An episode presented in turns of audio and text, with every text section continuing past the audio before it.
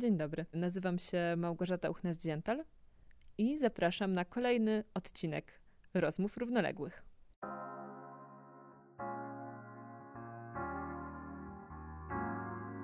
Polskie społeczeństwo starzeje się najszybciej w Unii Europejskiej, ale to nie koniec nadciągających zmian. Jesteśmy także krajem o największej międzypokoleniowej różnicy w religijności. Religia jest ważna dla 40% Polaków po 40, ale już tylko dla 16% młodych. Młodzi Polacy najchętniej deklarują też poglądy lewicowe, a jednak największą grupą społeczną stają się prawicowi emeryci. Czy grozi nam wojna pokoleń? Porozmawiam o tym z moimi gośćmi, którymi są dr Marcin Kędzierski z Centrum Analiz Klubu Jagiellońskiego i dr Tomasz Sawczuk z Kultury Liberalnej. Dzień dobry. Dzień dobry. Dzień dobry. Zacznijmy od tego, czy zgadzają się panowie y, z tą charakterystyką mm, i czy rzeczywiście religia i poglądy będą najważniejszymi płaszczyznami sporu między młodymi i starszymi Polakami? No, to jest zawsze takie pytanie o to, co determinuje politykę, tak? Czy to jest gospodarka, czy to jest kultura, czy to są zmiany technologiczne, czy to są reakcje psychologiczne na na przykład zmieniający się świat. Więc ja nie mam takiego e, poczucia, że istnieje jakiś jeden czynnik, który będzie te relacje międzypokoleniowe e, determinować i, i z pewnością nie mam takiego wrażenia, że będzie nim religia. A to z tego względu, że jeśli rzeczywiście jest tak, że religia mm, w młodszym pokoleniu traci na znaczeniu, no to by oznaczało równocześnie, że ona będzie jakby mniejszym źródłem jakichś takich silnych emocjonalnych e, reakcji, bo po prostu stanie się nieistotna. To, co nie jest istotne, to o to się nie chcemy kłócić, tylko to jest po prostu dla nas niedostrzegane, nie, nie, nie zajmujemy się tym I, I wtedy wydaje się, że raczej e, inne kwestie mogą e, zyskać na znaczeniu. Ale szczerze mówiąc, nie wiem, dlatego że w ostatnich latach wiele z tych naszych konfliktów kulturowych nie, nie toczy się przecież w sposób naturalny, tylko jest produkowane politycznie. E, w kampaniach wyborczych po to, żeby polaryzować wyborców i, i zaganiać do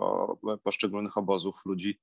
E, znajduje się tego rodzaju kwestie, które można właśnie wykorzystać, a które w innym e, przypadku nie musiałyby być tematem jakichś silnych konfliktów społecznych. Także może na, może na razie w, w tym miejscu postawię przecinek. Marcinie, ciekawy jestem, co ty myślisz.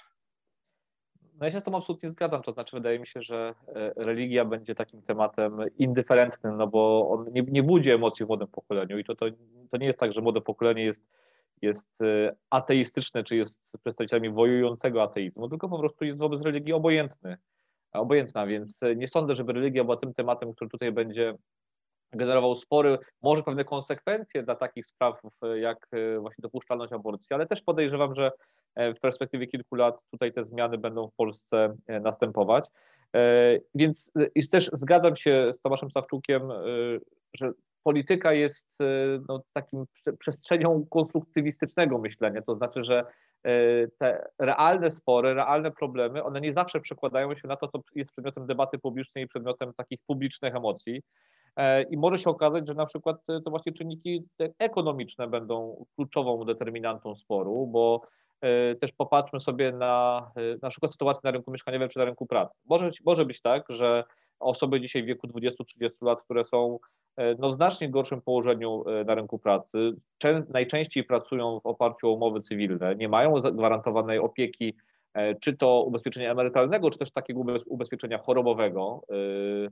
To też zwłaszcza jest ważne w przypadku kobiet i, i kwestii macierzyństwa. To też kwestie mieszkaniowe mogą być takim bolesnym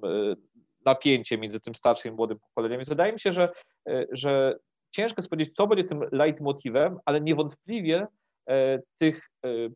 pól sporu jest bardzo dużo, bo do tego trzeba jeszcze dodać kwestie klimatyczne. Tak? Więc, więc wydaje mi się, że tych, tych napięć między starszym a pokoleniem po prostu jest na tyle dużo, że niezależnie od tego, które z nich siądzie, i tak będziemy mieli do czynienia z takim, takim silnym konfliktem, tym bardziej, że mamy jednak różną liczebność tych pokoleń, bo pamiętajmy, że te osoby 65 e, plus dzisiaj to są osoby z tego powojennego wyrzutu demograficznego, a jednak ta, ta druga fala wyrzut, czyli urodzona w latach 79-86, ona też już y, powoli przekracza 40, czyli te, też już taki wchodzi taki okres na wieku średniego, I to może być, to są dwie takie największe, najbardziej liczebne grupy, których ci najmłodsi, gdzie 15, 20, 25-latkowie po prostu fizycznie nie przegłosują. I to też może być źródłem napięć i społecznych, i politycznych.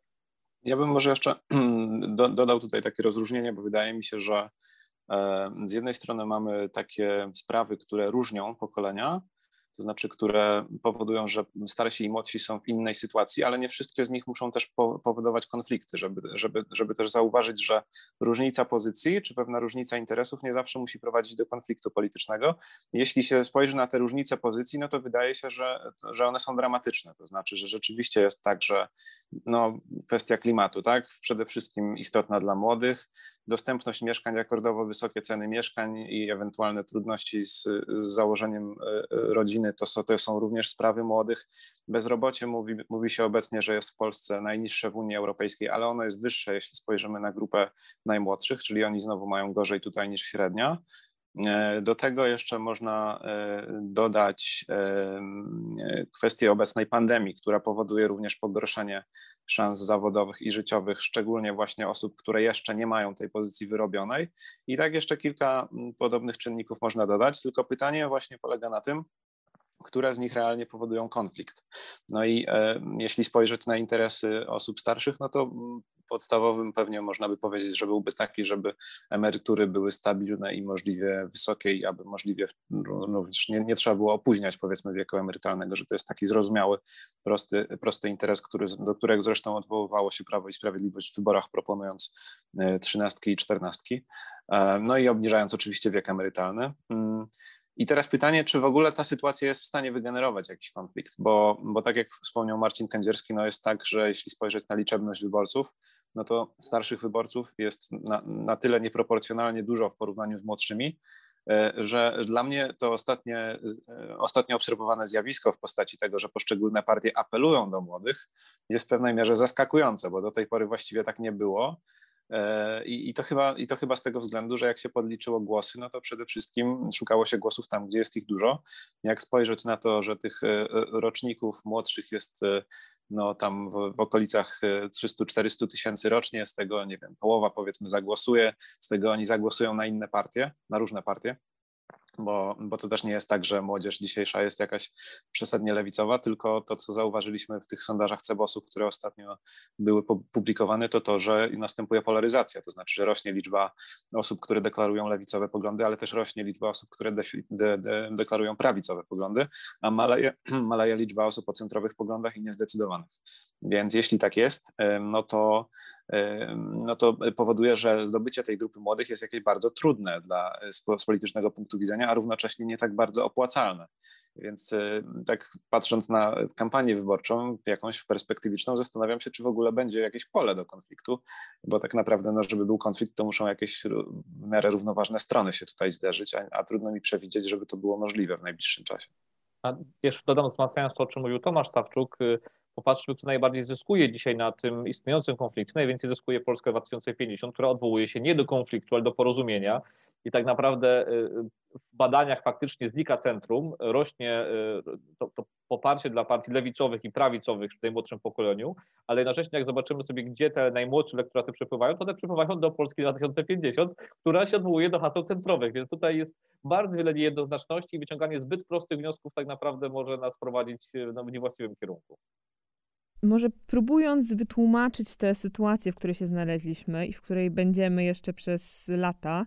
e, skupmy się na jej przyczynach. Dlaczego nagle zaczęliśmy się tak różnić? Dlaczego zmalała grupa młodych Polaków, a urosła starych? No i, no i właśnie, czy, czy to się stało nagle? Wydaje mi się, że to, to nie jest proces, e, proces nagły. To znaczy, my czekaliśmy e, na to troszkę od czasów transformacji ustrojowej mamy okres transformacji 30 lat, czyli mniej więcej do długość trwania jednego pokolenia e, w polityce, w życiu społecznym. Jak sobie popatrzymy na to, co działo się w Europie Zachodniej po wojnie, to tam także powiedzmy zajęło dwadzieścia kilka lat do takiej istotnej zmiany społecznej, która dokonała się no umownie powiedzmy w roku 68. I wydaje mi się, że w Polsce mamy do czynienia z no, podobnym zjawiskiem. W Polsce też ta, taka, takim symbolicznym e, momentem zmiany e, kulturowej był rok 2016 i, i czarny protest, który tak naprawdę, no echa tego czarnego protestu widzimy dzisiaj w młodym pokoleniu. No i to też się stało mniej więcej 25-30 lat po, po transformacji, więc to są procesy, które no nie są jakoś bardzo zaskakujące. Na nie się nałożyło oczywiście kwestie demograficzne. Jeden czynnik, który jest dla Polski dość specyficzny, ale on ma ogromne znaczenie na bardzo wiele sfer i to jest kwestia skolaryzacji, czyli e, odsetka osób, które e, wybierają studia wyższe. E, jak przypomnę, że w roku 89 absolwentami uczelni było 7% populacji,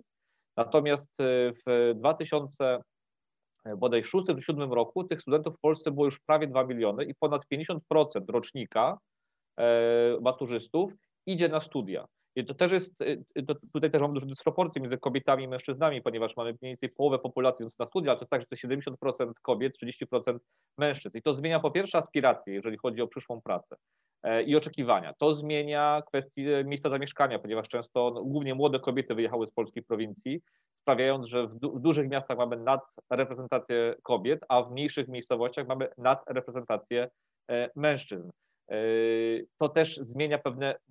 role społeczne, pewne y, wzorce zachowań, pewny model rodziny, który był obecny jeszcze kilkanaście czy kilkadziesiąt lat temu. Więc wydaje mi się, że poza tymi zmianami, które wynikają z pewnych obiektywnych przesłanek, tak jak powiedziałem, te 25-30 lat po transformacji, czy takiej istotnej zmiany społecznej, na to się nałożyło no, bezprecedensowy wzrost skolaryzacji. On jest też nieporównywalny do tego, z czym mieliśmy do czynienia w innych krajach regionu, bo e, ani w Czechach, ani na Węgrzech nie mieliśmy do czynienia z takim skokiem, E, to także wynika z faktu, że po prostu Polska e, miała ten wyż demograficzny właśnie tych lat, początek lat 80. To są osoby, które e, weszły w ten wiek akademicki gdzieś na przełomie XX i XXI wieku, kiedy nagle pojawiła się ogromna podaż miejsc na uczelniach prywatnych. I to tak naprawdę, ta zmiana no, sprawiła, że ona jest pochodną, czy jest, jest źródłem tego, co obserwujemy dzisiaj, no bo przecież E, dzisiaj to nie jest tylko kwestia pewnej emancypacji e, osób w wieku 20, 20 plus, ale to także dotyczy kobiet, zwłaszcza w wieku 30, plus, które 10 lat temu e, kończyły studia. I wydaje mi się, że to jest taki czynnik, który no, jest trudny do przecenienia. Hmm. Ja bym, ja bym może dodał do tego też parę rzeczy. Wydaje mi się, znaczy chciałbym dwie rzeczy powiedzieć. Jedna to taka, że jak słyszę pytanie o tym, skąd się wzięła istniejąca polaryzacja, czy istniejący konflikt, to w ogóle nie mam ochoty myśleć o kwestiach e, religii czy e, kultury, bo to jest dla mnie pytanie polityczne. E, I mam wrażenie, że on w pewnym sensie w pewnym sensie pojawił się naturalnie, ponieważ polityka po 1989 roku nie była normalną polityką demokratyczną, tylko była rodzajem. Um, oczywiście istniały tam rozmaite konflikty wewnętrzne, ale generalny kierunek był ustalony. To znaczy, był to kierunek na e, instytucje międzynarodowe. Mieliśmy dołączyć do NATO i do Unii Europejskiej, i cokolwiek nie działoby się w tym kotle, to, to koniec końców e, wszyscy musieli iść e, w, w tę samą stronę. E, zresztą tak jak zwraca e, uwagę chyba z 2014 roku raport Banku Światowego na temat Polski, który podkreśla to, że polityka gospodarcza e, i, i, no i międzynarodowa i wewnętrzna Polski w ciągu tych ostatnich, w ciągu tych pierwszych 25 lat nowej Polski była niezwykle spójna i, i pełna kontynuacji. I to właśnie umożliwiło Polsce szybki rozwój gospodarczy. No i e, wydaje się, że dopiero można mówić o gdzieś tak właśnie tym roku 2014 mniej więcej, gdzie następuje taki przełom, że wykształca się nowa sytuacja polityczna, w której która już dojrzewała od momentu, e, jak Polska weszła do Unii Europejskiej, gdzie trzeba było znaleźć jakiś nowy rodzaj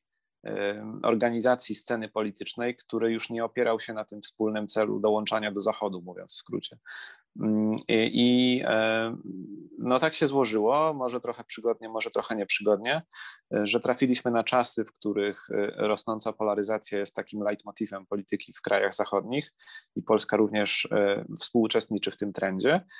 a w naszym przypadku było to powiązane jeszcze z faktem, że Jarosław Kaczyński w naturalny sposób rozumie politykę w kategoriach opozycji wroga i przyjaciela, co pozwoliło nam jak w masło właściwie wejść w ten zeitgeist i I można powiedzieć w tym sensie, że część tych e, konfliktów politycznych jest właśnie produkowana tak e, na, dla celów politycznych, ze względu właśnie na konieczność zdefiniowania opozycji między, między i lojalności między naszymi z jednej strony, no i tymi innymi z drugiej strony. To jest po, pierwsza połowa odpowiedzi, a druga połowa odpowiedzi, jeśli już mielibyśmy rozmawiać o tym, mm, E, o tej różnicy między starszymi i młodszymi byłaby e, no, trochę podobna, że to jest długi proces znowu. I że, mm, i że w, w, różnych krajach podobnych do naszych, ale też w krajach zachodnich, no po prostu obserwuje się pewną zmianę pokoleniową w podejściu do wartości, e, która niekoniecznie musi być z kolei produkowana politycznie, ale no, nie chciałbym też powiedzieć, że jest naturalna, bo z pewnością to nie są, to są procesy społeczne nie są naturalne w takim sensie jak, jak upadek jabłka z drzewa na ziemię, ale, ale jest niewątpliwie tak, że w, w wielu krajach obserwuje się e, pewien, no, nazywa się to potocznie procesem sekularyzacji, no, powiedzmy umownie, że można tak to nazwać, e, w wyniku którego kolejne pokolenia są mniej religijne od poprzednich pokoleń. E, to jest drugi element. I jeszcze trzeci element może bym dodał do tego i to, co, to jest coś, o czym Jarosław Kuisz pisał. Sporo w kulturze liberalnej, to znaczy, że wraz z odzyskaniem niepodległości, to jest już polski kontekst, nie, nie tyle kontekst taki, można powiedzieć, ogólnie rzecz biorąc, dotyczący kultury Zachodu, ale właśnie lokalny, że od czasu odzyskania niepodległości no, siłą rzeczy rola Kościoła musiała w Polsce maleć, bo o ile wcześniej w czasie zaborów i w czasie komunizmu Kościół był swego rodzaju, można powiedzieć, depozytariuszem E, kultury polskiej, który przechowywał w formie pewnej ciągłości niektóre tradycje czy praktyki i można się było do niego odwoływać, ponieważ nie było ciągłości w postaci instytucji państwa, no to od kiedy mamy własne instytucje państwa, to ta rola Kościoła jako właśnie e, punktu odniesienia dla kultury polskiej musi E, maleć i nie tylko właśnie z takich powodów, że mamy popkulturę i kulturę masową, ale właśnie z, z, powodu tego, że możemy w coraz większej mierze orientować się na własne państwo i nie potrzebujemy żadnych erzaców zamiast niego. Myślę, dodam tylko, że jest taki bon mot profesora Grzegorza Kołocki, e, Wiele rzeczy dzieje się tak, jak się dzieje, bo wiele rzeczy dzieje się naraz i to, o czym powiedział Tomasz Stawczuk o tym 2014 roku, wydaje mi się, że e, tutaj są jeszcze dwa ważne elementy. Po pierwsze, wówczas e, przyszły takie pierwsze społeczne efekty kryzysu 2008 roku, zarówno w Polsce, jak i w innych państwach europejskich. Jak sobie popatrzymy na pojawianie się tych ruchów populistycznych, tak zwanych populistycznych, no to one się bardzo mocno zaczynają pojawiać w roku 2013-2014. I to też trochę przeobraża w ogóle myślenie o, o Europie, bo ponieważ do 2014 roku e, nawet elity zachodnioeuropejskie bardzo mocno chciały wciągnąć tych tak zwanych nowych członków z Europy Środkowej do tego rdzenia europejskiego. Natomiast mniej więcej po 2013-2014 roku zaczęły się pojawiać takie antyśrodkowe europejskie resentymenty i tak, także to się pojawiło w retoryce elit zachodnioeuropejskich, a z drugiej strony 2014 rok to jest wojna na Ukrainie, aneksja Krymu i takie przekonanie, że Zachód jest bezradny wobec takiego egzystencjalnego zagrożenia. Wydaje mi się, że to oczywiście nie, nie tłumaczy nam wszystkiego, ale tworzy pewien istotny kontekst, w którym też Polacy zaczynali zmieniać swój, swój taki, no, przepraszam za określenie, mindset, sposób, sposób w ogóle myślenia, że z jednej strony ten Zachód już tak nas nie przyciąga, a trochę nas wypycha, a jednocześnie ten Zachód nie jest gwarancją dla nas bezpieczeństwa, bo wydawało nam się, że po wejściu do NATO e, i Unii Europejskiej w zasadzie nasze problemy takie bezpieczeństwa się skończyły, a tu nagle okazuje się, że kilkaset kilometrów za naszą granicą jest e, prawdziwa wojna, E, z którą Zachód sobie kompletnie nie potrafi poradzić. To wydaje mi się też miało wpływ na sposób, w jaki Polacy zaczęli postrzegać politykę. Mówię nie wprost, ale gdzieś z tyłu głowy to intuicyjnie zmieniało ten kontekst. Mm, no ja myślę, że może to był jakiś zalążek, ale że potem mm, jeszcze jak spojrzymy na kryzys migracyjny, to tego rodzaju myślenie zostało wyrażone wprost. To znaczy e, no tutaj mm, no PiS po prostu trochę może ubierając bardziej szlachetne szaty niż to, jak to wyglądało w praktyce, no ale powiedział, że Polska musi mieć własne granice, mówiąc w skrócie. Jak ktoś ma własne granice, to znaczy, że ma własną podmiotowość, no i tam był cały ten dyskurs taki niepodległościowo-podmiotowy, że wcześniej Polska była, nie wiem, lokajem kogoś innego, a teraz musi być sama sobą. I ten, ten rodzaj dyskursu myślę, że już istniał w pewnej mierze e, wcześniej i i że byłoby pewną niesprawiedliwością powiedzieć, że, e, że zarządów Platformy w ogóle go nie było, bo jednak e, mowa o tym, że Polska ma właśnie wracać do rodziny europejskiej, być coraz silniejsza jako część tej rodziny, również jest rodzajem tego samego dyskursu. Natomiast na pewno w, od tego 2014 i 2015 roku coraz wyraźniej e, pojawia się taki sposób mówienia właśnie, mm, który sugeruje, że Polska ma e, być tym podmiotem, tak? Podmiotem, który właśnie ma, ma granice, ma sprawczość, ma moc, ma w tym sensie też zdolność do, do obrony siebie. To jest dyskurs. E, no w praktyce to można tam się zastanawiać oczywiście, czy to nie jest tak, że pewną powiedzmy orientację na Niemcy zastąpiła orientacja na Stany Zjednoczone, ale jeśli, jeśli rozmawiamy o, o kulturze no to, to, i o sposobach mówienia, no to z pewnością mm, zyskał na popularności taki sposób mówienia o podmiotowości. Ja bym powiedział tak, jeszcze na, na koniec może tego wątku, że on może, mieć, może iść w dwóch kierunkach, bo mm, ja w swoich tekstach w kulturze liberalnej pisałem, że on ma pewien potencjał demokratyczny, bo to jest trochę tak y, jak u Kanta powiedzieć, że mm, być y, no, y, rozumnym podmiotem, to znaczy podlegać prawom, które samemu się ustanowiło i w tym sensie ta, ten rodzaj takiej sprawczości co do norm, którym się podlega, ma potencjał demokratyczny, ale on może też iść w stronę taką autorytarną, kiedy się mówi, że no właśnie to ten, który rozkazuje, tak po szmitowsku bardziej, ten, który może ustanowić wyjątek, to, że on jest y, suwerenem i on rządzi, no i wtedy y, buduje się taka relacja podległości obywateli wobec władzy i wydaje mi się, że Polska idzie obecnie bardziej w tym kierunku, ale ten potencjał demokratyczny jest czymś wciąż niewykorzystanym, y, jeśli chodzi o podobny sposób myślenia. Mm, porozmawiajmy chwilę o takim potocznym rozumowaniu. Bo zwykło się uważać, że z pewnych poglądów się po prostu wyrasta. E, I za, za młodu można być liberałem, ale potem się zakłada rodzinę, przychodzi stabilizacja i y, takie ukonserwatywnienie. Czy wydaje się panom, że obecne młode pokolenie będzie też podlegać takiemu procesowi? Czy to jest już trochę inna sytuacja i trochę inni ludzie? Ja bym powiedział chyba żartobliwie, że jak się wchodzi na rynek pracy, to człowiek się staje liberałem, bo wtedy trzeba, ma się porównanie między pensją brutto i netto i to, i to może u niektórych budzić opór. Um, że takim liberałem w sensie wolnorynkowym w każdym razie. Tak, teraz, teraz szczególnie jak się kończy 26 rok życia. No właśnie, e, więc, więc wydaje mi się, że to jest bardziej e, złożone. E, ja szczerze mówiąc trochę ufam temu, temu ogólnemu trendowi, to znaczy, y, bo, bo poglądy polityczne, w sensie ten podział na lewicę, centrum i prawicę to jest jedna rzecz, ale uważam, że y, proces y, takiego mm, zmniejszania się roli religii może dotyczyć wszystkich tych trzech y, y, stanowisk politycznych. To znaczy, no dostrzegamy już na przykład, że jeśli chodzi o skrajną prawicę w Polsce, czyli Konfederację, no to tam rola religii jest zdecydowanie mniejsza niż w PiSie i, i powstaje z tego taki dość y, no, darwi, dar, darwinistyczno-naturalistycznie zorientowany rodzaj prawicy, która właśnie traktuje wartości religijne w sposób instrumentalny i tylko jeśli, jeśli e, jest to przydatne w celu, nie wiem, zmobilizowania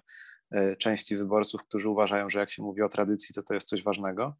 e, ale, ale jak się spojrzy na poglądy tych polityków i ich postawę polityczną, no to ona nie ma specjalnie wiele wspólnego z chrześcijaństwem jako takim. E, ale no, jeśli chodzi o lewicę, no to tutaj sprawa jest dość, dość jasna, no bo chociaż może niekoniecznie w Polsce, bo SLD jednak było partią taką dość mającą dobre relacje z Kościołem, może nie, nie tyle religijną, ale, ale w każdym razie nie, nie szkodziła specjalnie mm, Kościołowi w Polsce. E, ciekawa zmiana z kolei następuje w, no, w, tej, w tej bardziej takiej centrowej polityce, to znaczy w okolicach Platformy i, i, i Polski 2050, no bo E, platforma e, no, w przeszłości znana była z e, tego, że gdzieś tam jeździ na rekolekcje i generalnie fotografuje się z biskupami. Hołownia przecież, no to nie, nie, nie, trzeba wyjaśnić, że przez wiele lat bardzo blisko związany z kościołem publicysta. A teraz wyraźnie oni czują jakoś pismo nosem, że, że coś się zmienia i że o ile. No zdjęcia z mm, biskupami nie pomagają Tak, dokładnie. I to, i to są na to jak, konkretne powody, tak? Bo to też nie jest tak, że one, i one nie mają czysto też religijnego źródła, no bo jednak to są rzeczy no, związane z tymi skandalami e, z, e, z pedofilią, czy z, no, czy z gwałtami na dzieciach po prostu, więc, więc jakby no, ten taki moment trochę to, to, to wymusza, ale no, y, może to mieć pewne y, szersze konsekwencje, to znaczy może to powodować sytuację, w której w dalszym ciągu nie jest, wydaje mi się, dobrze widziane mm, i chyba mam nadzieję, że też nie, nie będzie jakby naśmiewanie się z, z czyichś y, wierzeń, czy, czy, mm, czy z przekonań religijnych, czy jakkolwiek to nazwać, ale jednocześnie y, coraz wydaje mi się silniejsze jest i takie bardziej zdroworozsądkowe staje się przekonanie, że z drugiej strony y, te wierzenia nie powinny też wchodzić y, na głowę jakby wszystkim innym. To znaczy, że, no, że każdy powinien mieć jakiegoś rodzaju prawo wyboru jeśli chodzi o to, y, y, w co wierzy i jak wierzy, i, i, że to powinno mieć charakter niedyskryminacyjny. To jest trochę moja życzeniowa może interpretacja, bo jak patrzę na młodą lewicę, to wydaje mi się, że tam można dostrzec znacznie bardziej bojowe nastawienia, mm, które jednak y, i tylko z kolei ona nie ma źródeł religijnych, po prostu jest rodzajem nietolerancji dla innych poglądów, ale ale jeśli chodzi o same kwestie religijne, to mam wrażenie, że ono, że ono się tak protestantyzuje, może, może można tak powiedzieć. To znaczy, że tak jak e, opisywał wiarę religijną William James, że ono się staje rodzajem doświadczenia religijnego raczej, a niekoniecznie wspólnoty religijnej. Wydaje mi się, że ten wątek, o którym Tomasz Sawczuk mówił, czyli tego e, protestantyzowania się, on jest bardzo ciekawy, bo on jest i obecny w kościele, ale też obecny poza kościołem i jak popatrzę na te spory także E, wewnątrz lewicy, nie tylko w Polsce, bo przecież my doświadczyliśmy takiej du dużej awantury na lewicy wokół obchodów 8 marca, Dnia Kobiet, ale analogiczne spory toczyły się w niemieckiej polityce, bo przypomnę, że jeden z e, takich no, najważniejszych liderów e, socjaldemokracji niemieckiej został tak naprawdę skancelowany przez to młodsze pokolenie SPD właśnie po wypowiedzeniu, że e, SPD nie powinno się zajmować tą e, tematyką taką bardzo mocno obyczajową, ponieważ to takiego przeciętnego Niemca nie interesuje. Przeciętnego Niemca e, bardziej interesuje kwestie społeczne niż to, niż dochodzenie kolejnych, równości dla kolejnych orientacji seksualnych. I to, to spowodowało no, analogiczne jak w Polsce napięcie polityczne. Ale wracając do tego pytania, które Pani zadała, wydaje mi się, że tutaj kluczową rolę odgrywają jednak kobiety, bo to kobiety były nośnikiem takiego konserwatywnego modelu domu. E, I e, tutaj się odwołam do raportu z badań, który opublikowała poseł Jadwiga Emilewicz. Ona zamówiła jeszcze je będąc ministrem w firmie Ibris. Te badania były przeprowadzone jesienią ubiegłego roku. To były badania i ilościowe, i jakościowe. I z tego badania dla mnie płynie bardzo ciekawy wniosek, bo kiedy Polki pytane o to, jaki model preferują, no to one wskazywały o sobie, że raczej są przedstawicielkami takiego konserwatywnego podejścia do rodziny, do ról społecznych, e, mówiąc o sobie, ale mówiąc o innych Polkach, mówiły, że akceptują tak naprawdę takie podejście liberalne. Ja mam wrażenie, że to jest trochę tak, że e, kiedy kobiety, one są już wewnętrznie wyemancypowane, kiedy mówią o innych, to mówią to, co naprawdę myślą, a kiedy mówią o sobie, e, to mówią to, co czują, że powinny powiedzieć, bo ta emancypacja jest właśnie wewnętrzna, a jeszcze nie, nie czują, że mają przyzwolenie na takie wypowiadanie tego na głos. Natomiast ta emancypacja się dokonała w nich wewnętrznie i ich córki, te dwudziestokilkuletnie, no dzisiaj sobie już mogą pozwolić na tą emancypację nie tylko wewnętrzną, ale też tą emancypację zewnętrzną. W tym sensie e, ogólnopolski strajk kobiet było tyle ciekawe, że często te młode dziewczyny, które mieszkają, nie wiem, w Kraśniku, w Mszanie czy w Pile, e, normalnie byłyby w Poznaniu, Warszawie, w, w, Krakowie, ale przez pandemię były w swoich miastach i nie wyszły na protesty w Warszawie, Krakowie czy w Poznaniu, tylko wyszły na e, protesty w Kraśniku, Mszanie i w Pile. E, I zachęcając też swoje matki do jakby uzewnętrznienia tej emancypacji. No i mam wrażenie, że dzisiaj tak naprawdę y, młode kobiety niespecjalnie chcą odtwarzać ten model tradycyjnej rodziny, który był jakimś takim y, podstawą konserwatywnego społeczeństwa. Oczywiście tych sytuacji też mężczyźni sobie kompletnie nie potrafią znaleźć, y, znaleźć miejsca, no bo muszą się bardzo szybko nauczyć nowych ról, których nikt nie nauczył. E, to oczywiście problem jest znacznie głębszy i, i na znacznie szerszą dyskusję, ale wydaje mi się, że jeżeli przyjmiemy założenie, że kobiety były jakimś nośnikiem tego konserwatywnego modelu, to y, taka szybka emancypacja kobiet, która już dokonała się kilkadziesiąt czy kilkanaście lat wcześniej, ale była uwewnętrzniona, a teraz się uzewnętrznia, ona sprawia, że tego, tego tradycyjnego modelu, że przed 30 ktoś jest, ktoś jest liberalny, a po 30 już musi być konserwatywny, że tego już raczej nie doświadczymy. No, z jednym wyjątkiem, że ludzie są, y, Tomasz Stawczyk mówił, że ludzie są liberalni, jak widzą swoją pensję, w netto i brutto, ale kiedy biorą kredyt hipoteczny na 30 lat, stają się bardzo konserwatywni. Oj, to pełna zgoda. Rzeczywiście, jak, jak przy, przy, przy braniu kredytu, to by się zaraz chciało, żeby jakieś było te, tanie budownictwo dostępne, no to, ale w, oczywiście w dobrym też miejscu i w odpowiednim metrażem, więc to jest trudno wszystko pogodzić naraz. Natomiast e, ja bym jeszcze powiedział tak, że, e, bo nie jestem pewien, Marcinie, czy trochę nie za daleko z tą analizą poszedłeś. Ja mam wrażenie, że to można zinterpretować, że te wyniki e, badań, które opublikowała Jadwiga Emilewicz, można zinterpretować trochę bardziej w taki sposób, jak one pokazują. To znaczy, może też być tak, że powiedzmy kobiety, które już mają dzieci, same niekoniecznie czują, że muszą coś zmienić w swoim życiu albo że że w ogóle jakby, że to jest teraz ich czas na zmianę, bo to jest czasem, no to jest trochę tak jak z tym, że rodzice wysyłają dzieci na studia, nie? Sami, to nie znaczy sami idą na studia, ale to znaczy, że chcą, żeby dzieci poszły na studia i bardzo podobnie może być również w tych relacjach y, y, dotyczących zmiany kulturowej, to znaczy ja bym, że sama tego nie zrobiła jako matka, może pomyśleć kobieta, ale, y, ale jednocześnie moja córka może podejmować inne wybory, ja to akceptuję. I wydaje mi się, że jeśli, jeśli to byłby taki kierunek, to, to byłoby to byłaby zmiana pozytywna, bo ona by budowała akceptację dla, pluralizmu społecznego i potencjalnie mogła być takim czynnikiem, który trochę e, zmniejsza pole dla polaryzacji społecznej, bo jeśli akceptujemy to, że się różnimy, ale jednocześnie jakby nie czujemy się sami zmuszeni do tego, żeby koniecznie coś zmienić, ale możemy to zmienić, jeśli, jeśli, e, jeśli, jeśli mamy taką potrzebę, no to generalnie to redukuje e, konflikt. E, po prostu nagle możemy się do siebie odzywać, mimo tego, że na przykład córka i matka albo ojciec i syn podejmują inne wybory życiowe i po prostu można mieć zrozumienie dlatego, że mają inne doświadczenie, na przykład dorastania w innych warunkach, że niekoniecznie muszą iść dokładnie tą samą ścieżką. To jest zresztą taki motyw, który pojawia się w kontekście rynku pracy. Często na przykład jest pretensja, dlaczego młodzi chcą płatne staże, albo, e, albo dlaczego młodzi chcą właśnie mieszkać w normalnych warunkach, skoro my pracowaliśmy po 14 godzin na bezpłatnych stażach, a poza tym mieszkaliśmy w 7 osób w jednym pokoju. No właśnie dlatego, że żyją w, innych warunkach i mają trochę inne oczekiwania wobec życia i to jest w porządku. E, I... No tak, ale tutaj jeszcze, e, Tomku, jest, wracając do tego wątku międzypokoleniowego i tych kobiet powiedzmy 40-50-letnich, to znaczy one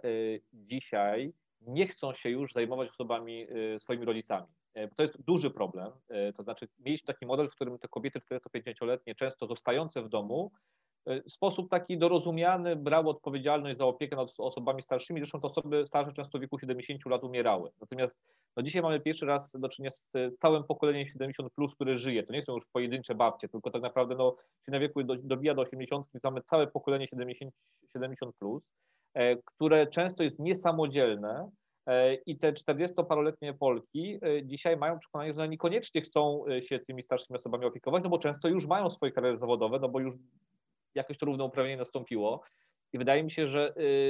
to, to nie jest tak, że one się już pogodziły ze swoją rolą, tylko że one jednak dzisiaj też się chcą wyemancypować, bo widzą, że nie chcą podejmować tych, tych funkcji opiekuńczych. Zdaje mi się, że ta sytuacja ja bym, także co, okay. jest dynamiczna. Ona, ona nie jest skończona. Ja bym tego nie rozumiał chyba w kategoriach emancypacji do końca, e, bo mam takie wrażenie, że e, no, że jest, to, to jest trochę to, od czego zaczęliśmy rozmowę. To znaczy, że są pewne interesy ważne dla młodych, takie właśnie jak Y,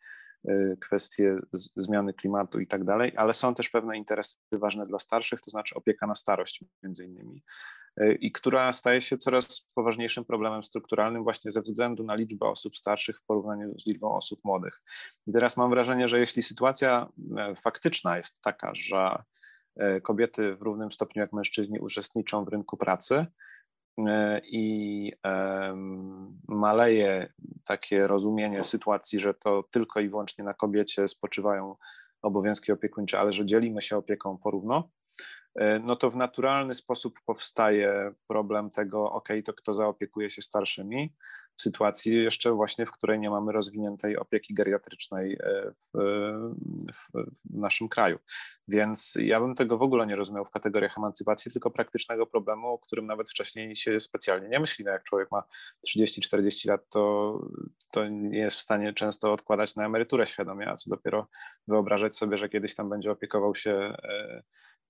swoimi rodzicami, którzy nie będą na przykład w stanie sobie w ciągu dnia e, poradzić z czymś, więc więc mam wrażenie, że to są takie praktyczne konieczności życiowe, które może pchają e, ludzi w stronę modelu e, życia, który e, ogółem podsumowalibyśmy jako taki mniej tradycyjny, ale że niekoniecznie jest to przedmiotem takich w pełni planowych i świadomych wyborów. I dlatego nie do końca nazwałbym to emancypacją, ale taką efektem no,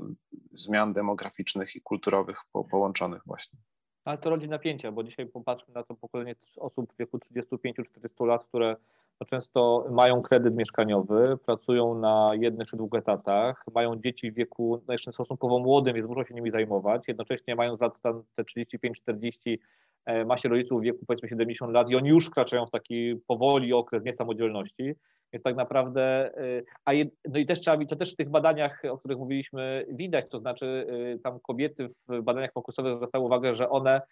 e, mają trochę mają dość tego równouprawnienia, no bo na nich spoczywa obowiązek nie tylko utrzymania y, domu, Y, i spłacenia kredytu, ale opieki nad dziećmi, opieki nad seniorami. I ona by tak naprawdę tam część mówiła, że w ogóle to oni już mia miałyby dość tego równouprawnienia, wolałyby albo wiedzieć, że zajmują się domem, albo wiedzą, wiedząc, że zajmują się tylko pracą. A dzisiaj tak naprawdę muszą spełniać te wszystkie role, więc ta sytuacja kobiet właśnie takich 400-letnich dzisiaj jest szalenie trudna. I ja też y, ja wiem, że ja rozumiem, że one są zdeterminowane, ale to może w nich rodzić taką chęć do podjęcia konkretnej decyzji konkretnej decyzji dotyczącej na przykład wzorca relacji rodzinnych i na przykład to, że mamy tę narastającą liczbę rozwodów także wśród takich małżeństw z kilkunastu, dwudziestoletnim stażem, wydaje mi się, że to też może być e, przejaw tego napięcia, którego doświadczają kobiety, które nagle kiedyś by sobie na to nie pozwoliły, na rozwód, ponieważ no, rozwód obniżał status społeczny e, dla kobiety, a dzisiaj tak się już nie dzieje i to sprawia, że e, to staje się właśnie pole wyboru, a nie pole zdeterminowane. Mm, no, mnie się wydaje, że, że tutaj y, dwie, dwie inne rzeczy są ważniejsze. Z jednej strony to, o czym też już wspominałeś wcześniej, czyli właśnie no, bardziej konflikt między mężczyznami a kobietami co do oczekiwań i, i, i potrzeb życiowych i pewien rodzaj też właśnie może nie, nie przystosowania wielu mężczyzn do sytuacji, w której nale, trzeba dzielić się opieką. Um, no bo jednak te odpowiedzi, jak rozumiem, byłyby inne, gdyby to wsparcie mężczyzn było na tyle oczywiste, że, że to, że to nie jest tak, że, że jest domniemanie, że na kobiecie spoczywają tego rodzaju obowiązki. A druga rzecz, no to jednak ta skala, to znaczy ja mam wrażenie, że starzenie się społeczeństwa jest na tyle istotnym problemem, że, e, że rozpatrywanie go w kategoriach indywidualnych decyzji po prostu trochę mija się z celem i tak czy inaczej będą potrzebne w najbliższych latach odpowiedzi strukturalne czy, czy ktoś tego chce, czy nie, po prostu ze względu na skalę problemu, gdzie ludzie są z jednej strony na rynku pracy, z drugiej strony rosną potrzeby opiekuńcze i po prostu nie, nie będzie się tego dało praktycznie zrobić, nawet jak ktoś by chciał. Tak, a to też dodam, już kończąc ten wątek, y, ja też niedawno pracowałem nad redakcją raportu, którym, nad którym pracują się Centrum Analiz Jagiellońskiego o opiece senioralnej. No i główna konkluzja tego raportu jest taka, że e, w Polsce ten system jest faktycznie bardzo słaby i musimy zrobić bardzo wiele, żeby ten system postawić na nogi, żeby sprostać oczekiwaniom współczesnych 70-latków. Ale tak naprawdę cokolwiek byśmy e, nie zrobili, nawet gdybyśmy mieli najlepszy system na świecie, nie jesteśmy w stanie sobie poradzić e, z tą liczbą seniorów, która pojawi się za 20-30 lat, kiedy w ten wiek senioralny zaczną wchodzić osoby z tego wozu demograficznego przełomu lat 70. i 80 a to oznacza, że musimy już dzisiaj radykalnie zacząć działać e, tak diagnostycznie profilaktycznie, żeby zwiększyć samodzielność tych osób za 30-40 lat. E, tylko problem polega na tym, że te osoby są dzisiaj najmocniej społecznie obciążone tak? i one dzisiaj często nie mają nawet czasu na to, żeby dbać o swoje zdrowie, no bo właśnie są obciążone e, kredytem, dziećmi i swoimi rodzicami. I to jest dzisiaj naprawdę spore wyzwanie, no bo jeżeli czegoś nie zrobimy z tym takim średnim pokoleniem w Polsce, to za 40 lat publicznie już nie będzie możliwości, ani społecznie, żeby ten problem rozwiązać i niestety będziemy mieli do czynienia z wieloma osobami, które po prostu tej opieki nie doświadczą, a jednocześnie będą miały oczekiwania znacznie wyższe niż pokolenie ich rodziców czy dziadków, jeżeli chodzi o jakość życia w, tym, tej jesieni życia. Rozmieńmy mm, trochę ten temat. Na jaki świat my się w takim razie szykujemy? Tak, czy wydaje się panom, że po prostu będzie tak jak dziś, tylko e, z większą ilością emerytów, którymi będzie się musiała zająć rodzina albo państwo, albo i rodzina i państwo? E, czy coś jeszcze w tej rzeczywistości się zmieni? No, musi, musi się zmienić, to znaczy no, to jest sytuacja bezprecedensowa. E, też nigdy nie było tak, że w społeczeństwie dominowały osoby starsze. To jest nowa sytuacja cywilizacyjna i, i, i ona musi powodować cały szereg frustracji. Bardzo ważny jest ten moment przejścia osób z wyżu demograficznego na emeryturę, o którym wspomniał Marcin Kędzierski, bo to jest powtórka sytuacji, kiedy te osoby były w wieku zakładania rodzin i kiedy mogły mieć dzieci, tak? I teraz no, argument jest taki, że gdyby się im stworzyło warunki cieplarniane do posiadania dzieci wtedy, kiedy oni mieli po 20-30 lat, no to rzeczywiście może, może problem demograficzny w Polsce byłby trochę mniejszy. To się nie wydarzyło, więc teraz pytanie znowu, czy nie, czy uda się przegapić, czy może jednak uda się coś zaplanować w kwestii tego, kiedy mm, ta sama, ta sama grupa ludzi będzie przechodzić na e, emeryturę i co z tym zrobić. Ja bym powiedział tak, że pewną oczywistą odpowiedzią jest e, imigracja i e, wydaje mi się, że po prostu to nie jest w tym momencie właściwie kwestia debaty, tylko to jest już podjęta decyzja. E, ona po prostu nie, nie wydaje się w tej chwili mieć jakąkolwiek alternatywę. Nie jest bez e, znaczenia, że to za obecnych rządów raczej krytycznych wobec migrantów, mówiąc lekko, mamy najwyższe wskaźniki imigracji do Polski i e, pracy zarobkowej osób przyjeżdżających do Polski z zagranicy. I to jest trend, który będzie narastał. E, co właśnie pokazuje to, że najbardziej sceptyczny wobec, e, wobec imigracji rząd e, no, przyjmuje najwięcej imigrantów. Więc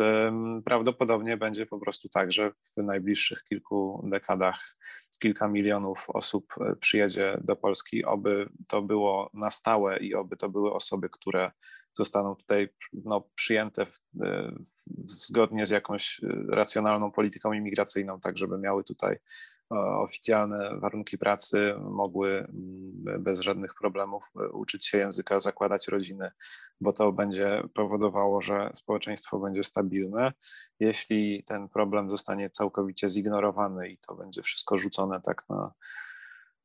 no, z taką ideą właśnie, że tutaj ktoś tam przyjedzie do pracy, żeby pomóc, ale tak naprawdę to, e, to jest cały czas jedną nogą tu, a jedną gdzie indziej, no to, to, to, jest, to raczej to jest czynnik, który będzie powodował dodatkowe problemy jeszcze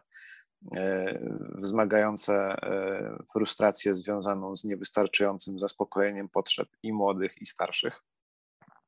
Czyli widzę tutaj bardzo dużo min i mam wrażenie, że jeśli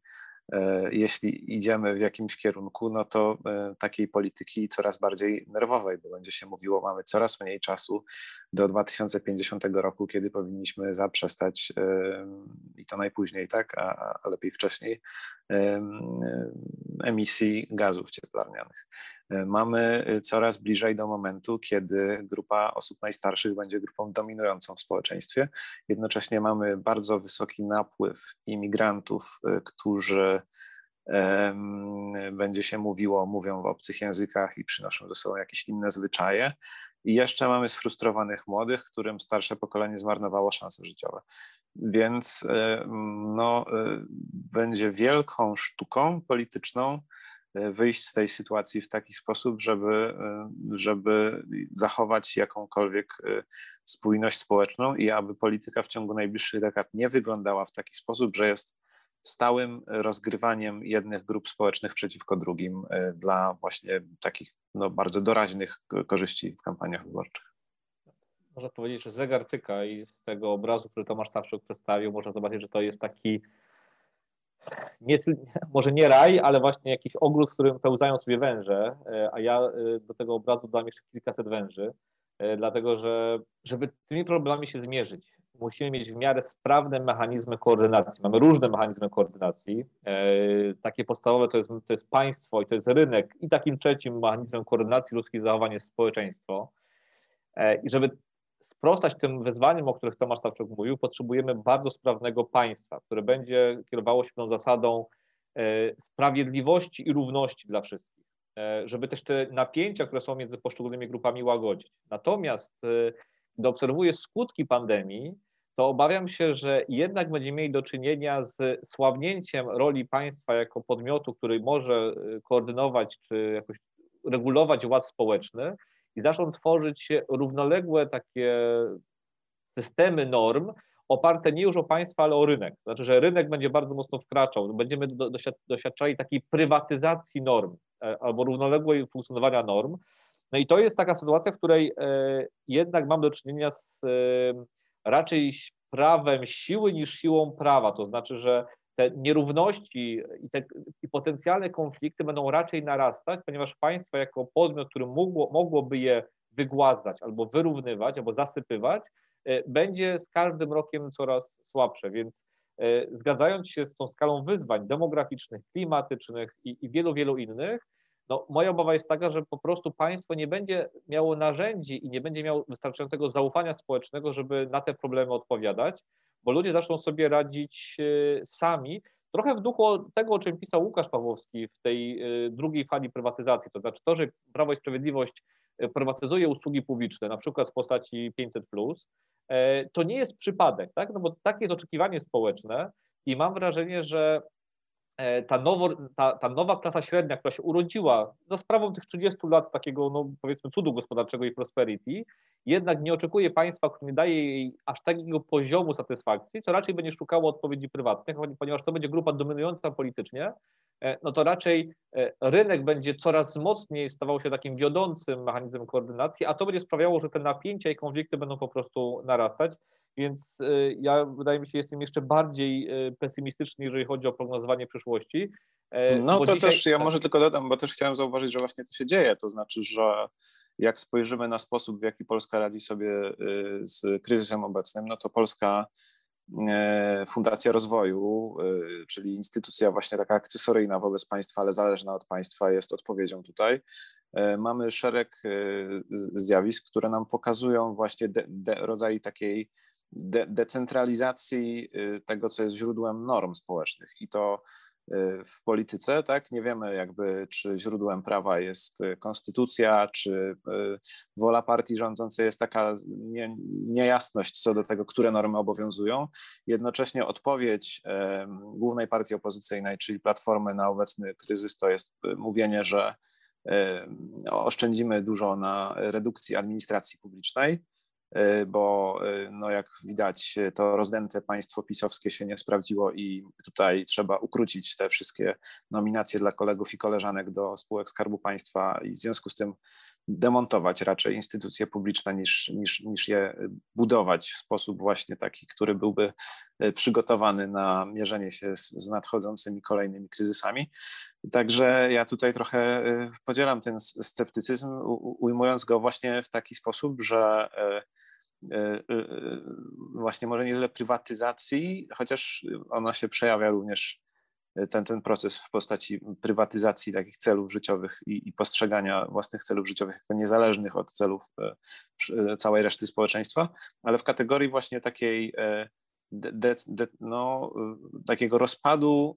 systemu no, normatywnego czy jego pluralizacji, która ostatecznie powoduje właśnie preferencje dla silniejszych, bo silniejsi będą mieli własne normy i będą mogli kolonizować wtedy inne obszary, podporządkowując je sobie, ale niektórzy inni będą budować właśnie nisze dla siebie, ci, którzy będą do tego zdolni, a tacy ludzie, którzy nie będą mieli do tego możliwości, to po prostu będą musieli się podporządkować temu, kto akurat decyduje w, danym, e,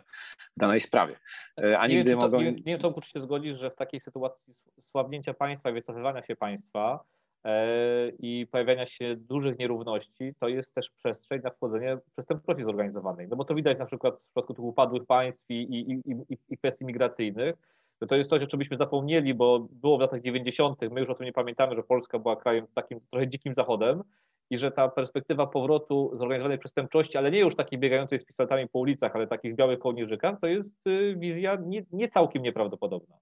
No ja nie chcę tu zabrzmieć zbyt stronniczo, ale mam wrażenie, że i może to by było za mocne określenie, ale że sposób e, traktowania instytucji publicznych przez obecną władzę no już przypomina zalążki właśnie takiego procesu, gdzie rozróżnienie między prywatnym a publicznym staje się e, no, coraz bardziej e, zatarte.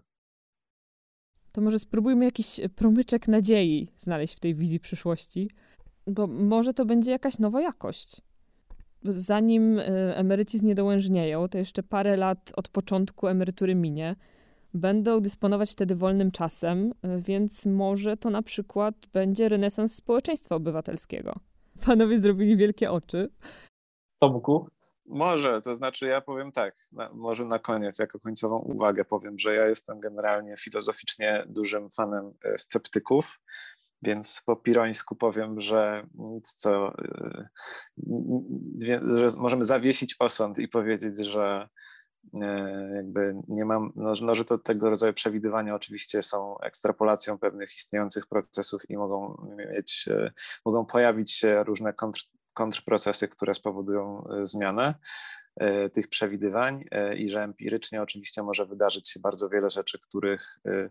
których sobie nie wyobrażamy, łącznie właśnie z jednej strony z nowymi katastrofami, ale z drugiej strony z nowymi odkryciami, które będą w jakiś sposób ułatwiać życie. Jeśli rozmawiamy o perspektywie kilku dekad, to, to nie można żadnych tutaj pewnych przewidywań robić, co zresztą w kontekście tego brania kredytów i myślenia o państwie zawsze mnie bawiło, bo jednak to, że bank jest w stanie oszacować na 30 lat ryzyko kredytowe, to mi się wydawało zawsze bardzo zabawne, skoro nie jesteśmy w stanie mm, przewidzieć pandemii, która wydarzy się za miesiąc, e, ale e, ale to oznacza, że mogą się również wydarzać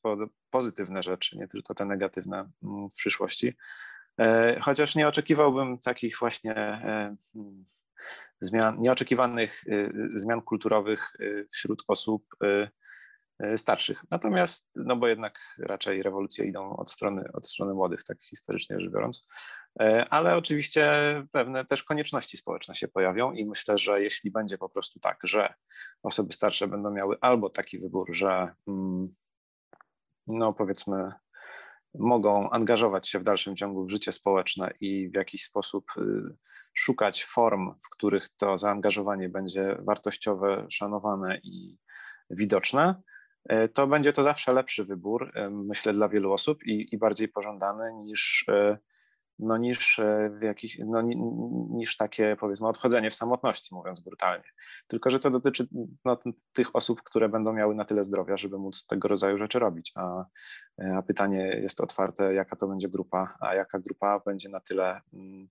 podupadła na zdrowiu, że właśnie będzie stopniowo coraz bardziej wykluczona ze społeczeństwa. No i to będzie proces bardzo y, przykry, bardzo w pewnym sensie podobny do tego, w jaki sposób obecnie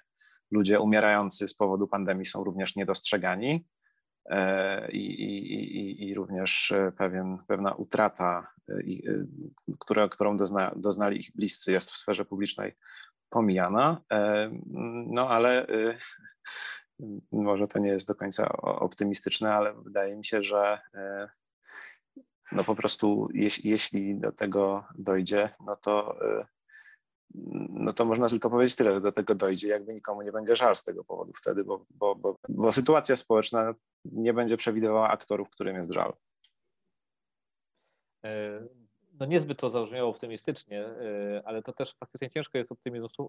szukać, ale publicyści mają taką skłonność do e, kasandrycznych wizji, bo one są oczywiście bardziej atrakcyjne i my jakbyś tak wrośliśmy w takie kasandryczne wizje. Natomiast no, dla mnie wątpliwie to, co, co jest zawsze szansą, to są kryzysy i z perspektywy już roku mogę powiedzieć za moim kolegą Michałem Możdżeniem, że e, tak społecznie zmarnowaliśmy bardzo porządny kryzys, że nie nauczyliśmy się zbyt wiele przez ten kryzys pandemiczny,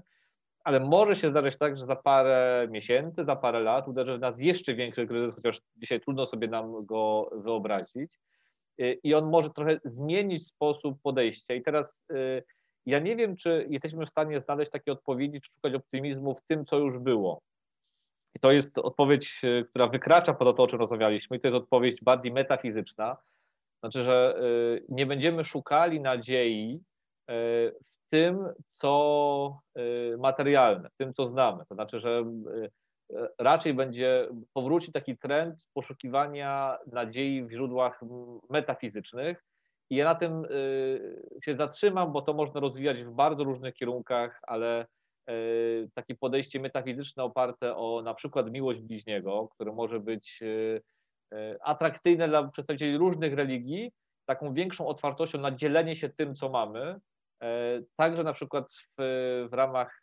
filozofii degrowth, tak? czyli takiego radykalnego obniżenia produkcji po to, żeby uratować planetę i podzielenia się tymi zasobami, które mamy. To oczywiście dzisiaj wygląda utopijnie, E, i jak gdybym miał prognozować, jakie jest prawdopodobieństwo e, wystąpienia takiego zjawiska, pewnie to byłoby 0,0 i tam dużo, dużo zer i na końcu jedynka, e, ale oczywiście nie można tego wykluczyć. Tak? Jeżeli miałbym szukać jakichś źródeł nadziei, to bardziej w takiej rewolucji metafizycznej niż takiej rewolucji politycznej. Idąc trochę dalej tym tropem, czy te dwie grupy, ci nowi, młodzi, trochę inni niż przed laty i ci starzy Polacy, których będzie tak wielu, mają jakieś wspólne problemy? Czy jest między nimi jakaś możliwość porozumienia i współpracy? Czy te grupy wszystko dzieli, czy coś jednak łączy? Ja szczerze mówiąc mam problem z tym, żeby, e, żeby myśleć o polityce w ten sposób, bo mam wrażenie, że jeśli powiemy, że mm, jakby, że to jest nadmierne esencjalizowanie potrzeb poszczególnych osób ze względu na to, do jakiej grupy przynależą. I wydaje mi się, że w przypadku jednostek rzeczywiście jest tak, że E, istnieją rozmaite relacje i potrzeby i wartości, które mogą je łączyć, ale że nie można tak łatwo podsumować e, no, bardzo złożonych grup w taki sposób, że mm, jakim hasłem teraz zbudujemy jakąś jedną koalicję wszystkich. I, takie, i tego rodzaju sposób myślenia o, o jedności w polityce wydaje mi się w ogóle pewną zmorą w polskiej polityki, bo on prowadzi do takiej wizji, w której e, właśnie albo e, wszyscy idą za mną i wtedy mamy jedność, bo wszyscy powtarzają to, co ja mówię, e, albo mamy sytuację, w której ja mówię to, co jest dobre, a wszyscy moi przeciwnicy to są jacyś ludzie, którzy są, nie wiem, niedorozwinięci, nie rozumieją, głupi są albo po prostu źli dlatego że sprzeciwiają się jedności, którą ja reprezentuję. Więc ja bym raczej mm, odchodził od takiego myślenia o polityce i powiedziałbym, że budowanie koalicji politycznych jest bardzo złożonym zajęciem i e, łączenie e, przedstawicieli różnych grup jest koniecznym elementem tego budowania, dlatego że każda dobra polityka reprezentuje interesy więcej niż tylko jednej grupy. Mm, natomiast e, powiedziałbym, że poszukiwanie tego rodzaju koalicji jest zawsze po prostu zadaniem praktycznym i że ono bardzo rzadko e, operuje w takich bardzo racjonalnych kategoriach, kiedy mówimy, że no, wszyscy zgadzamy się w sprawie klimatu, to teraz poprzemy partię, która mówi o klimacie. To bardzo rzadko tak działa, jeśli w ogóle kiedykolwiek tak działa. Także powiedziałbym, że e, to, co mi się wydaje ważne, to ważne wydaje mi się już samo rozumienie publiczne tego, że istnieje różnica między interesami młodych y, i starszych y, i że musimy w jakiś sposób działać w tej sytuacji tak, żeby starać się w możliwie szerokim stopniu uwzględnić interesy wszystkich, bo to buduje takie wrażenie, że pluralizm jest czymś normalnym, że nie zawsze i właściwie nigdy nie uda nam się w pełni zrealizować interesów wszystkich, ale że możemy wzajemnie rozumieć te różnice i i, i, konflikty, i one w takim razie mogą nie być paraliżujące, ale mogą skłaniać nas do poszukiwania praktycznych odpowiedzi. Ja odwołam się nie do swojej odpowiedzi, tylko do odpowiedzi papieża Franciszka z ostatniej encykliki Fratelli Tutti, w której on wskazuje, że niezależnie od tego, w jakiej jesteśmy sytuacji dochodowej, tak naprawdę cała ludzkość dzisiaj doświadcza jakiejś, no on używa słowa jakiejś biedy, tak? I ta bieda może mieć różne, różne przejawy, bo ona może być biedą materialną, może być biedą e, relacji, może być biedą jakiegoś, nie wiem, smutku, depresji i tak dalej. I wydaje mi się, że to doświadczenie takiej słabości kondycji ludzkiej e, i takiego doświadczenie zagrożenia naszej godności, bo to zagrożenie naszej godności może być bardzo wielowymiarowe, to jest coś, co nas łączy. Jeżeli byśmy w takim duchu solidarności mogli odkryć, że wszyscy tak naprawdę doświadczamy jakiejś biedy, e, to mogłoby być źródłem jakiejś, e, pozytywnej propozycji, ale znowu, ja nie uważam, żeby to było przestrzenią takiego wąs wąsko rozumianego politycznej ko koalicji, bo polityczność oparta jest na partyjności, czyli jakby z definicji trochę jest oparta na y, szukaniu cząstkowych koalicji. Ja raczej myślę o, o szukaniu takiego, o, o, tworzeniu nowego pola gry. Znaczy to, I to pole gry, które właśnie oparte jest na takiej takim poczuciu solidarności, że my wszyscy doświadczamy jakiejś słabości, wszyscy doświadczamy jakiejś biedy i, i tak naprawdę to nas jako ludzi, to nas jako ludzi łączy, niezależnie od tego, gdzie mieszkamy, ile mamy, ile mamy pieniędzy, w jakiej jesteśmy sytuacji. Oczywiście, ale to nas też powinno wzywać do tego, żebyśmy na tę wzajemną biedę potrafili odpowiadać. I tą refleksją zakończmy tę rozmowę. Bardzo panom dziękuję. Rozmawiałam z doktorem Marcinem Kędzierskim z Centrum Analiz Klubu Jagiellońskiego i doktorem Tomaszem Sawczukiem z Kultury Liberalnej. Dziękuję. Dziękuję. Kolejny odcinek Rozmów Równoległych już za dwa tygodnie, a ja tymczasem zapraszam Państwa do e, obserwowania profili podcastu na e, Instagramie i na Facebooku. Zamieszczam tam dodatkowe informacje i omówienia tematów, o których rozmawiam później z gośćmi.